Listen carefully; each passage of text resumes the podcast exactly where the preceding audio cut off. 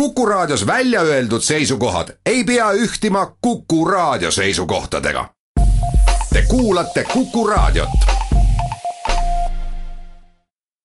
tere jälle, täna on reede, kuueteistkümnes detsember ja eetris Tagasivaade. minu nimi on Tõnis Erilaid. kõikjal räägitakse, et lähemal ajal teostatakse Venemaal ja muidugi ka meil rahareform pankadesse olevat juba toodud uued rahamärgid kohale, aga see võib olla ka tühi jutt kas pole see jutt lahti lastud selleks, et rahva käest raha kätte saada? ja peab ütlema, et rahvas ostab praegu palju, kirjutab oma päevikus Jaan Roos kaheteistkümnendal novembril tuhat üheksasada nelikümmend seitse. rahareform algas tegelikult alles kuueteistkümnendal detsembril ja see pidi olema väga sügava saladuskatte all. aga selle tulekust teadis isegi Jaan Roos. tema oli haritlane kirjamees, kes end varjas ja mööda Eestit ringi rändas juba kuu aega, rohkem kui kuu aega varem. päev enne rahareformi pühapäeval oli veel viimane võimalus raha hakkama panna. veel midagi osta, et vana raha niisama kätte ei jääks. meenutab Heljo Mänd aastaid tagasi, saatis ta siis abikaasa vanakraami turule. poed olid ju pühapäeval kinni. et siis ostku midagi. mees tõigi mitu suurt peeglit, noh ausalt öeldes polnud perel neid hoopiski vaja akadeemik Anta Raukas on aga meenutanud et eh, vana raha oli sedavõrd tol ajal väärtusetu, et seda tassiti vahetuspunktidesse kartulikottidega.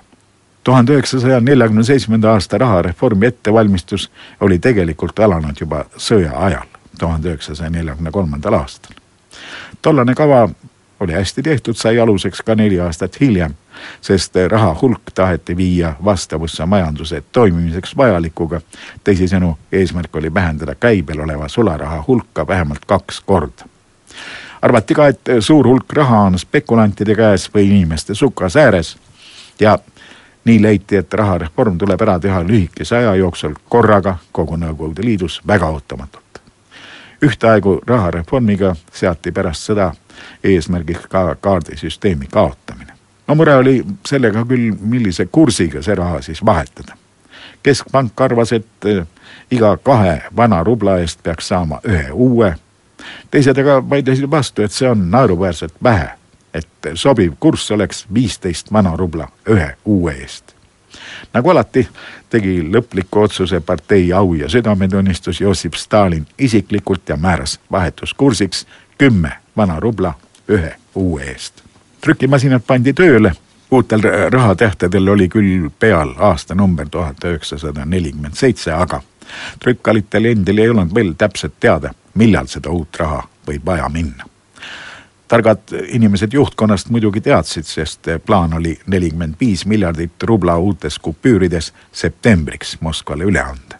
no sealt ilmselt saidki esimesed ja kiiresti levinud jutud uuest rahast alguse ja rahvas, no vähemalt see osa, kellel raha liialt käes oli, tormas ostma. peamiselt tühjenesid ehte ja karusnaha kauplused. novembri lõpuks oli inimestel ka teada, et kasulik on raha hoiukassasse panna. Pangaoperatsioonide arv kasvas kohati kümnekordseks.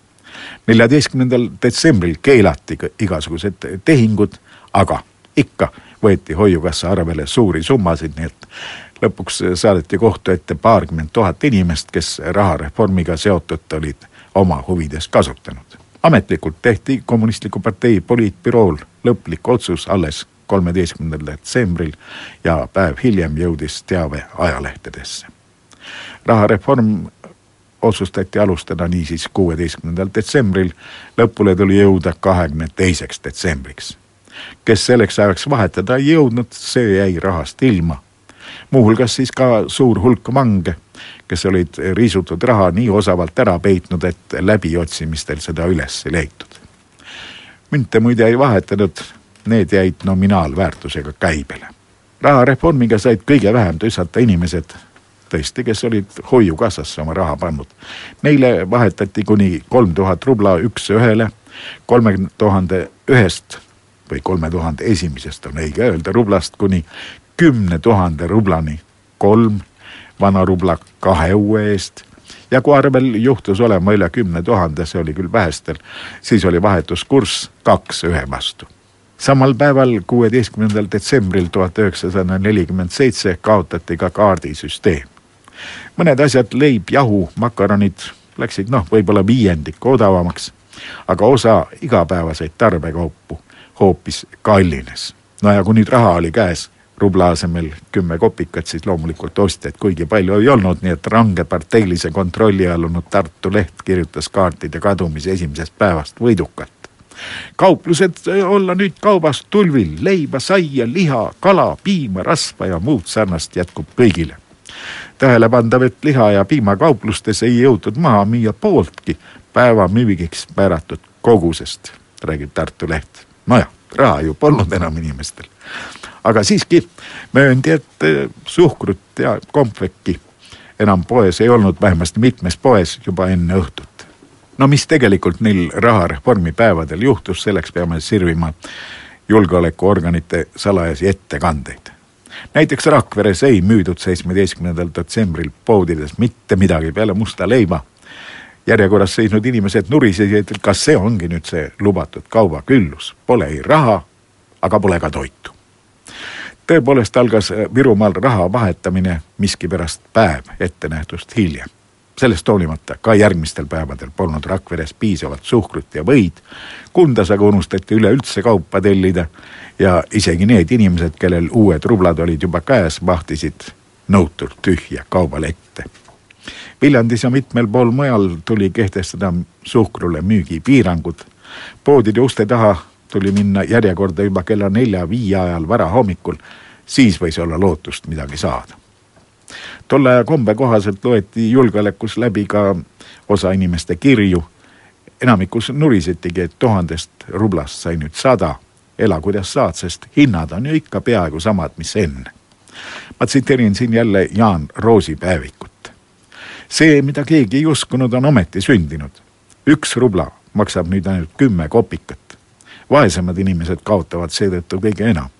raha läheb odavamaks, aga tarbeainete hinnad jäävad samaks või lähevad veel kallimaks. Öeldakse küll, et töötav inimene saab kasu, sest palgad jäävad samaks.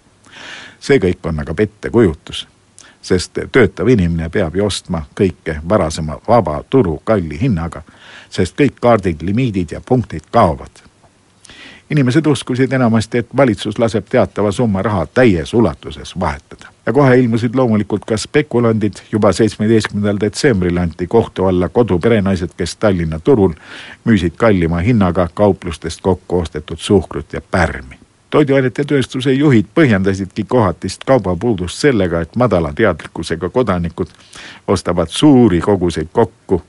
jah, hakkavad spekuleerima müüjate õlule langeb uus ülesanne kaubanduses. uus olukord nõuab suuremat valmsust ja klassiteadlikkust, algab rangem võitlus spekulantide vastu, kirjutasid ajalehtede toimetuse artiklid. Moskvast aga teatati, raskused on ajutised. on vaja, et elanikkond võtaks enda peale osa ohvreid. seda enam, et see ohver on viimane. Kuulmiseni